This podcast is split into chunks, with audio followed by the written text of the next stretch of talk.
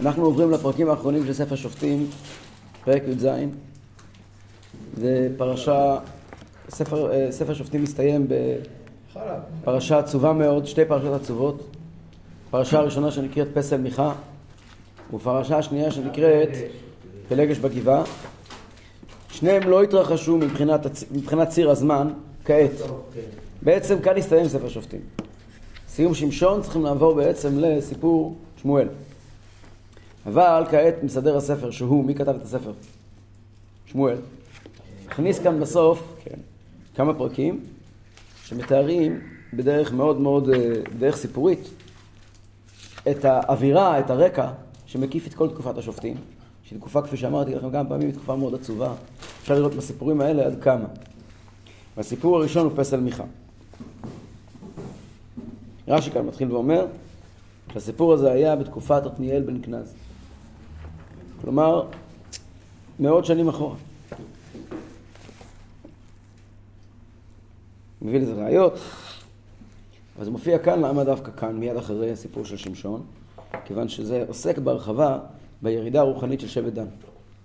ושבט דן, כעת סיימנו עם שבט דן, עם שמשון, אז כבר מדברים על שבט דן בכלל, ועוד דבר, כי כתוב שדלילה מכרה את שמשון באלף ומאה כסף.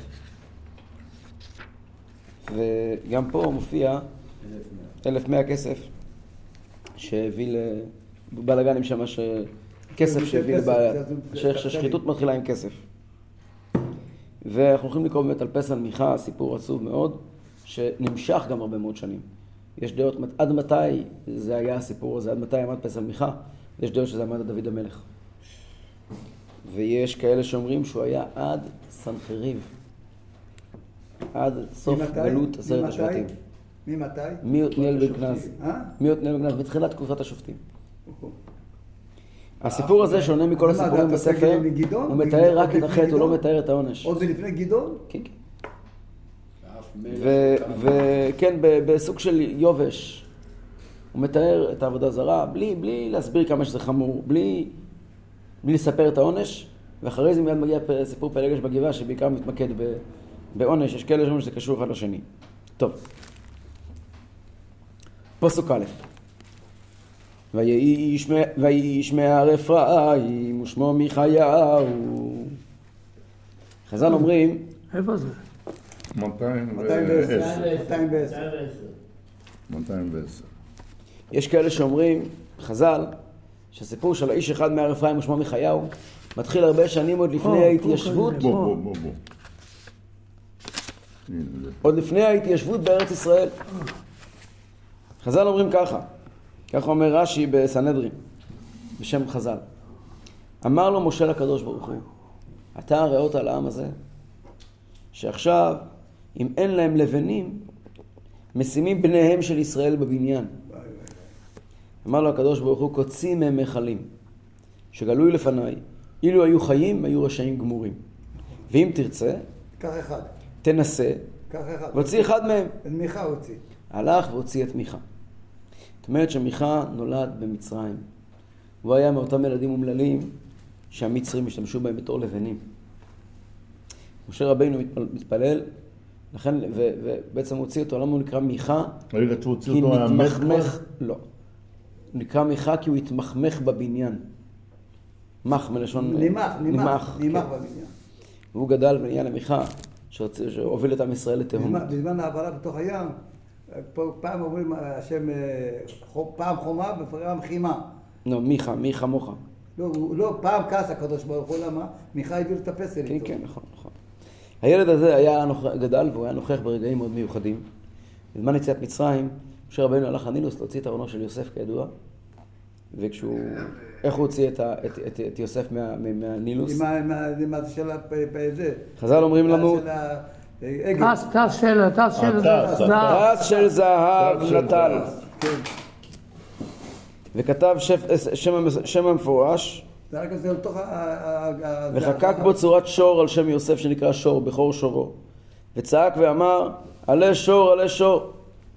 מיד צף ארונו של יוסף ונטלו משה. אמרו, מיכה היה שם, ונטל את הטס.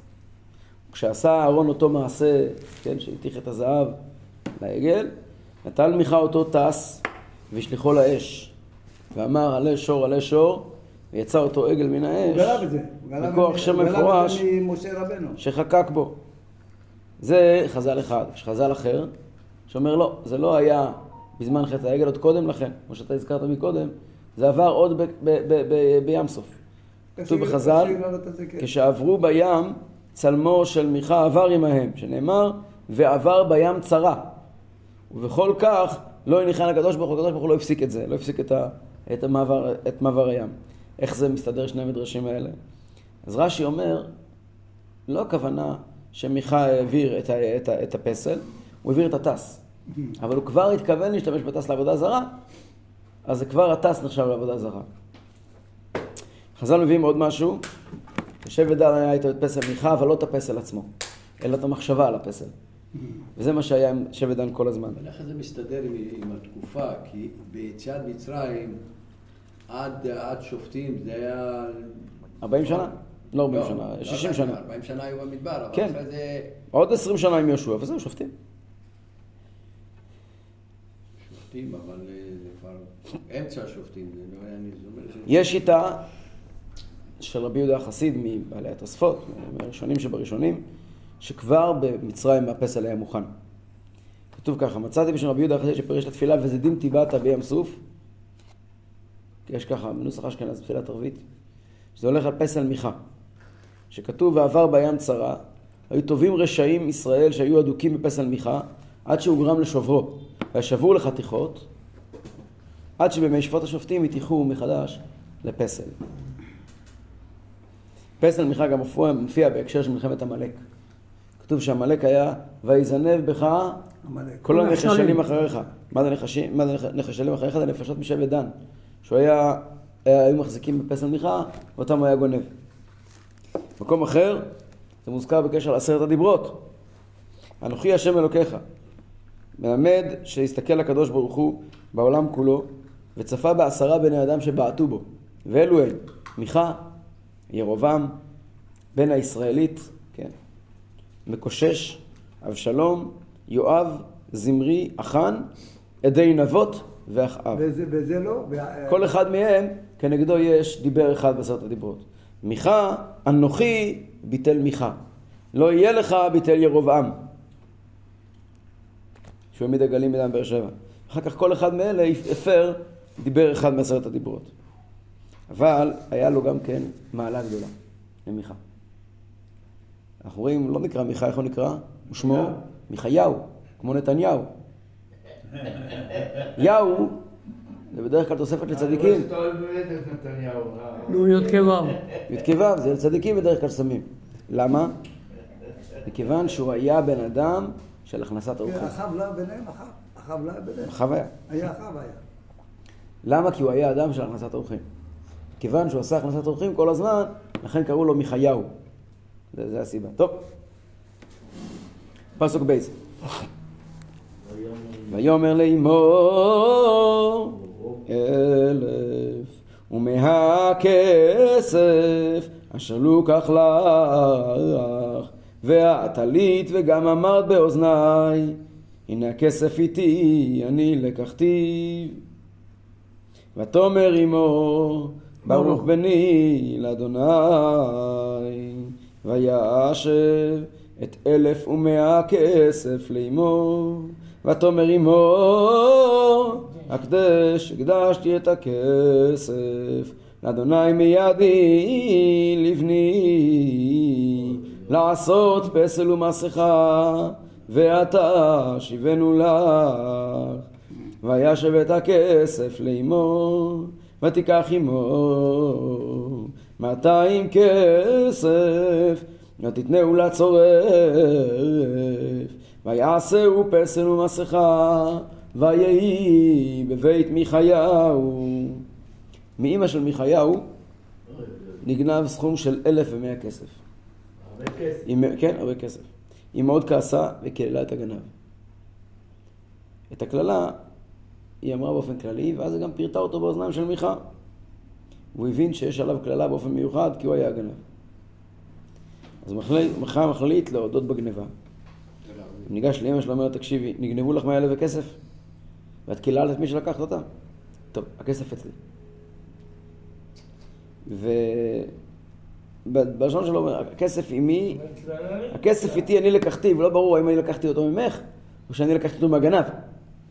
הוא לא אומר לה ברור מה בדיוק קרה שם. אבל הכסף פה. אומרת האמא, קודם כל ברוך אתה על השם, לא התכוונתי לקלל אותך. דבר שני, אני כבר הקדשתי את הכסף הזה לשם, לעשות ממנו פסל ומסכה. את דרך להשם תצאו מסכה. קח את הכסף ותעשה ממנו פסל. כשאנשים שואלים את השאלה שלך, שואלים, האם אפשר לעבוד את השם עם פסל מסכה? או שהתכוונה אל עבודה זרה? במילים אפשר להסביר שתי האפשרויות. אפשר להגיד שהיא רצתה לעבוד את השם באמצעות פסל ומסכה, שגם זה אסור. יש הרבה שעושים את זה היום, אבל זה אסור.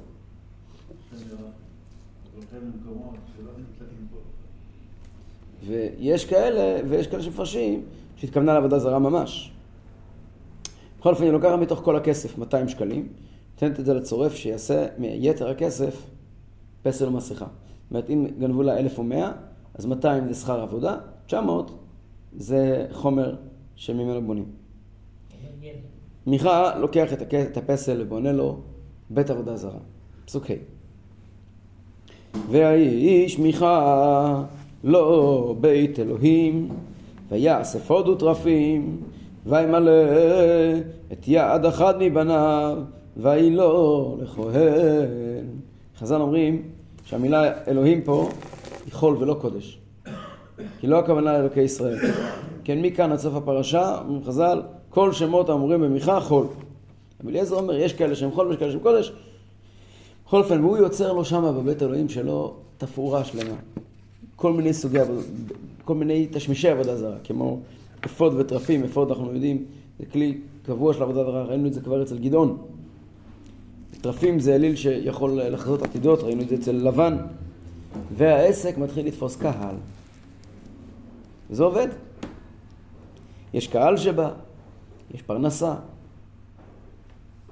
יש גם כהנים. אחד הבנים של מיכה ממונה להיות כהן, להיות אחראי על הפולחן. אחד הבנים שלו עשה כהן. איך דבר כזה יכול לקרות? Hmm? הוא עשה מאחד הבנים- אחד הבנים שלו עשה אותו כהן. איך דבר כזה יכול לקרות? איך, איך אף- איך עם ישראל לא נעמד על הרגליים האחוריות ועצר את זה? לא.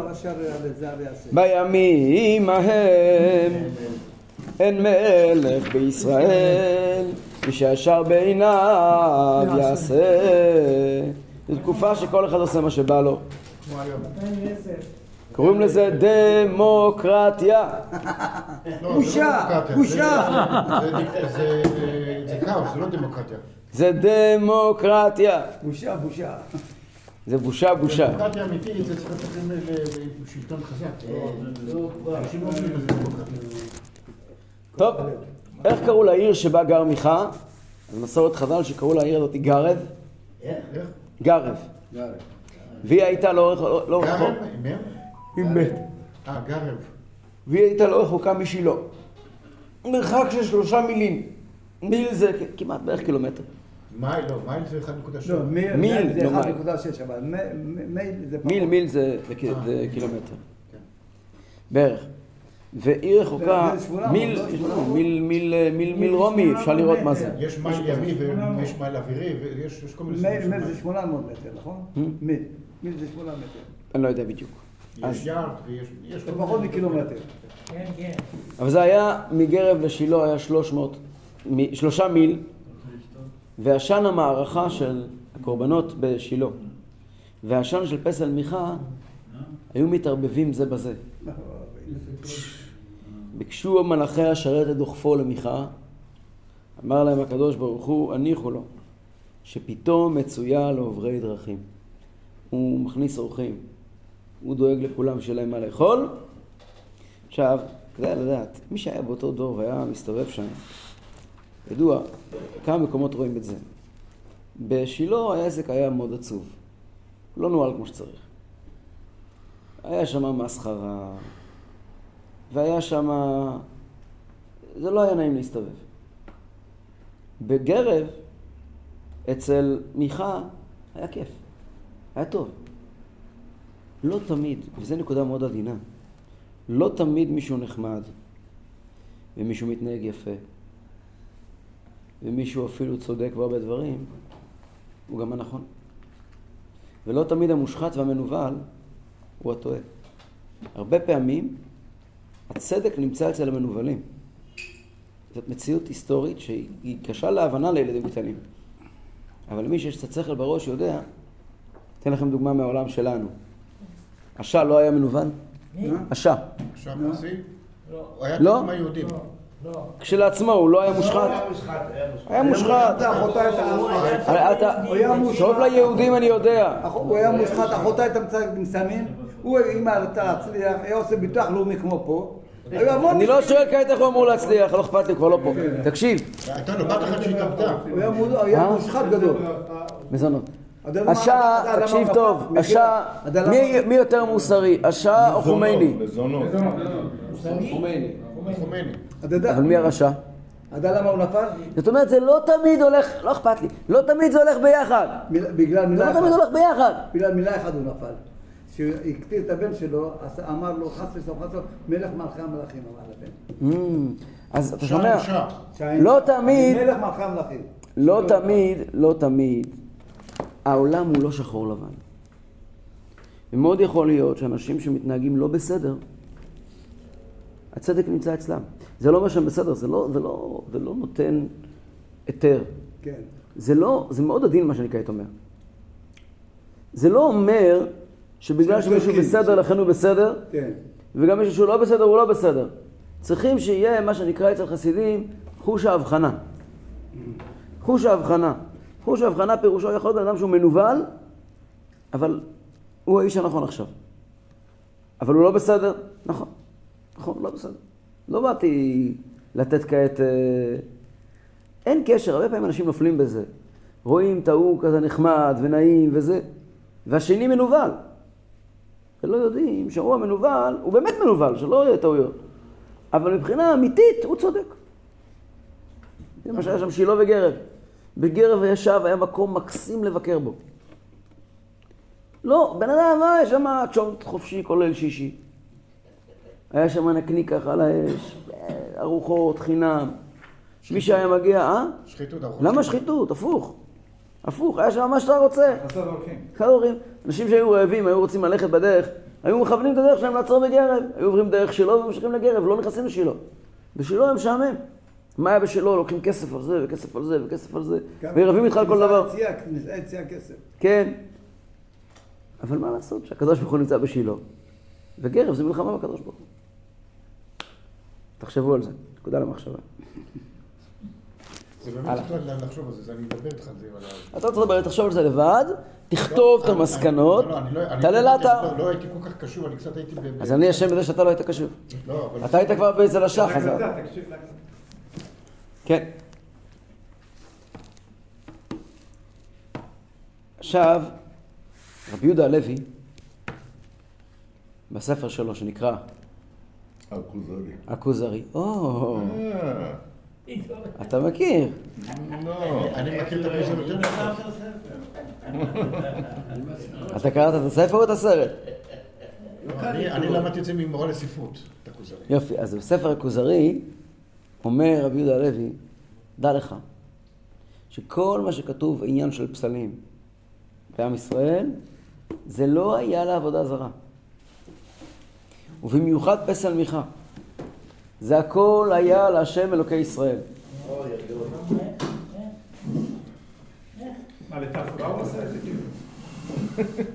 לא, הוא אומר ככה, עושה העגל הראשון במדבר, וסיעת ירבעם, ובעלי הבמות, ופסל מיכה, לא היו מכוונים כולם רק לאלוקי ישראל.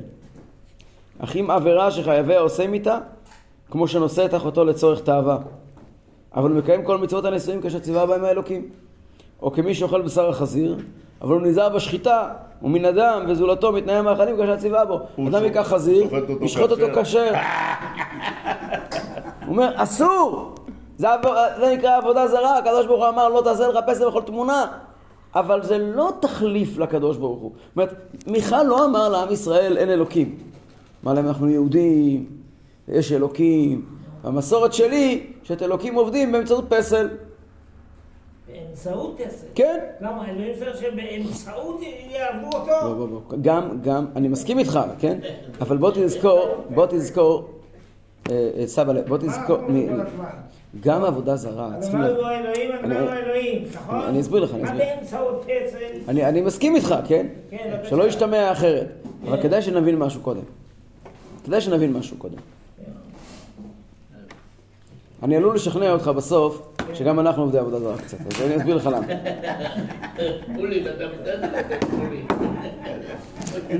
אנחנו עובדי עבודה זרה קצת? קצת, קצת. אני אסביר לך, אני אסביר לך בדיוק למה אני מתכוון. כן. מה אתה חושב? שעובדי אלילים הם מטומטמים? בכלל לא, הם יותר אפילו אינטליגנטים.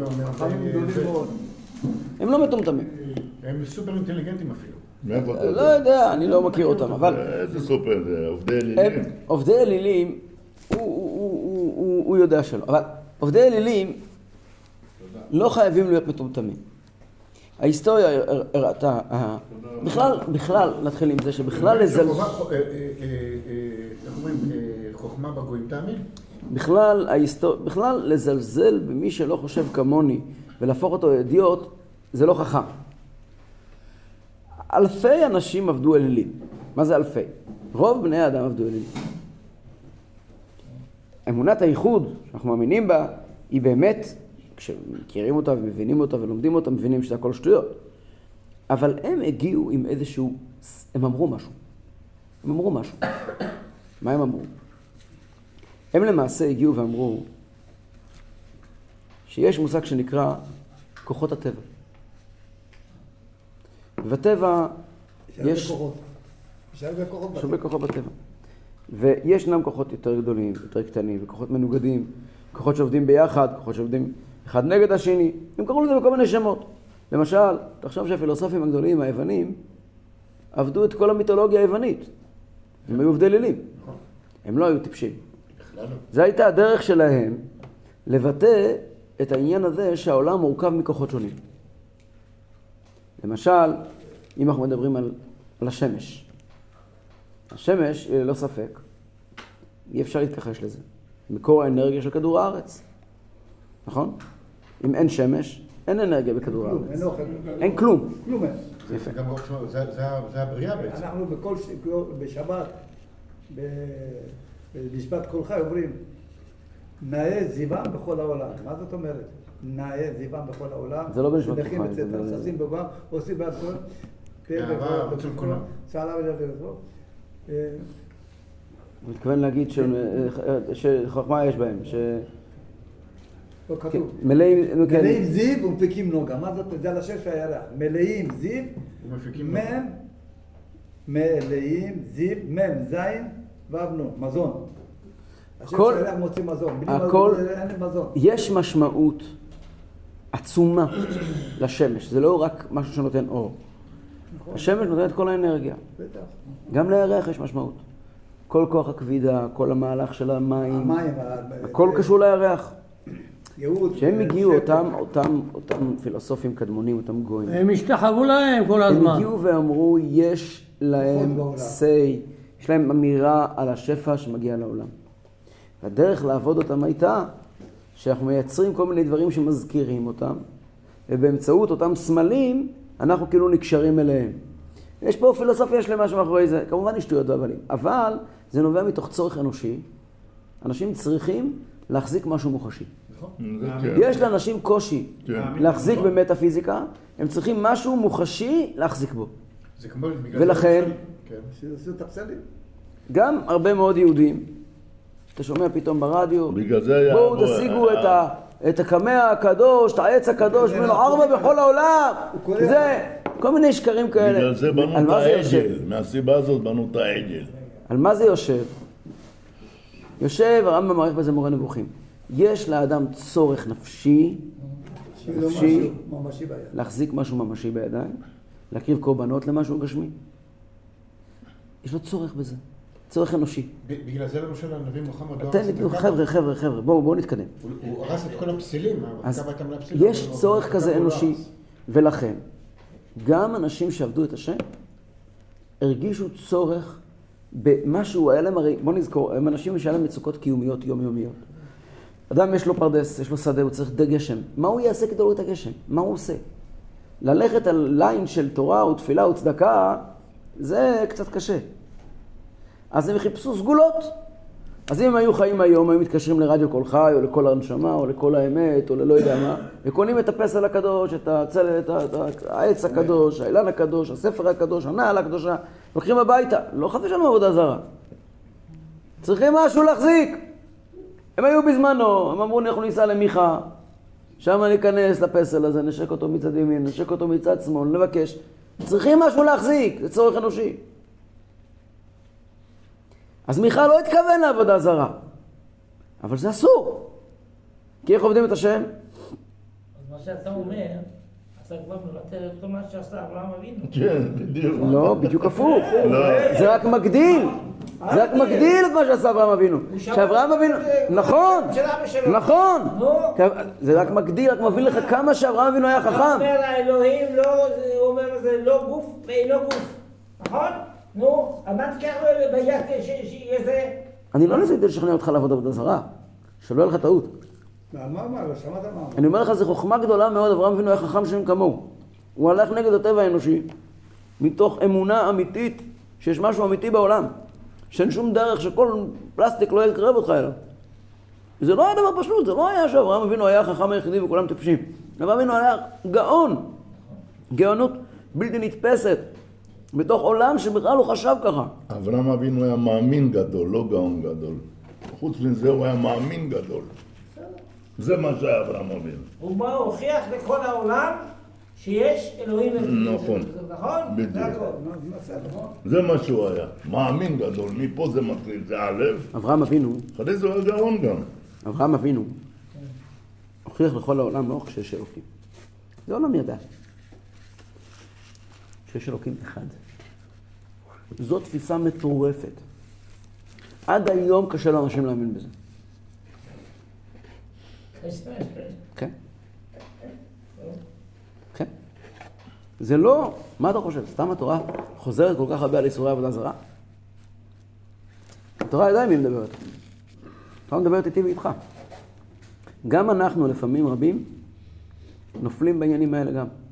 למשל, אדם לא מרגיש טוב. אז הוא רץ לרופא. האם הוא זוכר לכל אורך הדרך שהרופא הוא רק שליח? והרפואה לא בידיים שלו בכלל, רק בידי הקדוש ברוך הוא? מאמינים בזה שרופא הוא שליח? ודאי. אני שואל האם זה טבעי לנו להבין שלא הרופא קובע. כל רגע ורגע. כל רגע ורגע על הקדוש ברוך הוא מנהל את העולם ולא הרופא. סומכים על הרופא בעיניים סגורות. החיים מעבירים אותך... לא, אבל אנחנו יודעים שהוא הטבע של על- הטבע של האדם. לוקח אותו לעבודה זרה כל הזמן. יש דבר בשביל להתרפא, מותר לעשות ככה וככה. הקדוש ברוך הוא ציווה, כן, לעשות מותר ככה. ככה, אבל לא תמיד ככה. נכון. האם, האם לפני שאתה הולך לרופא אתה גם אומר כמה פרקי תהילים ושם צדקה וזה לא ליתר ביטחון. אתה יודע שהתהילים והצדקה זו הרפואה. והרופא הוא רק שליח. או. אתה אומר הפוך. הרפואה אצל הרופא, אתה לא אומר. מרגיש, מתנהג. וליתר ביטחון ניתן גם מטבע לצדקה. זאת שאלה של עבודה זרה. בן אדם מסיים את התפילה מהר, מקפל את התפילין, רץ לעבודה. למה אתה רץ לעבודה ומקפל את התפילין מהר? כן. כי איפה נמצא הפרנסה? בעבודה. בעבודה, באל העבודה. אבל יש הקדוש ברוך הוא, בטח יש הקדוש ברוך הוא, לא אמרתי שלא. אבל אה, אלוקים אלוקים, אבל עכשיו צריך לעבוד, נכון? יפה. אז למה קיבלת תפילין מוקדם אם יש הקדוש ברוך הוא בעולם? כי הקדוש ברוך הוא עם כוכבית. כתוב בחז"ל, ישראל שבחוץ לארץ, עובדי עבודה זרה בטהרה הם. עובדי עבודה זרה בטהרה הם. מה הכוונה? בקדושה כאילו. מה הכוונה? ישראל שבחוץ לארץ, הכוונה, כשבן אדם לא זוכר את הקדוש ברוך הוא כל רגע, הוא סוג של עובד עבודה זרה. למה? כי הוא מרכין, הוא משתחווה. הוא מרכין את הראש שלו, את המוחין שלו, בפני עבודה זרה. בן אדם גונב. תגיד לי, יש דתיים שגונבים? יש.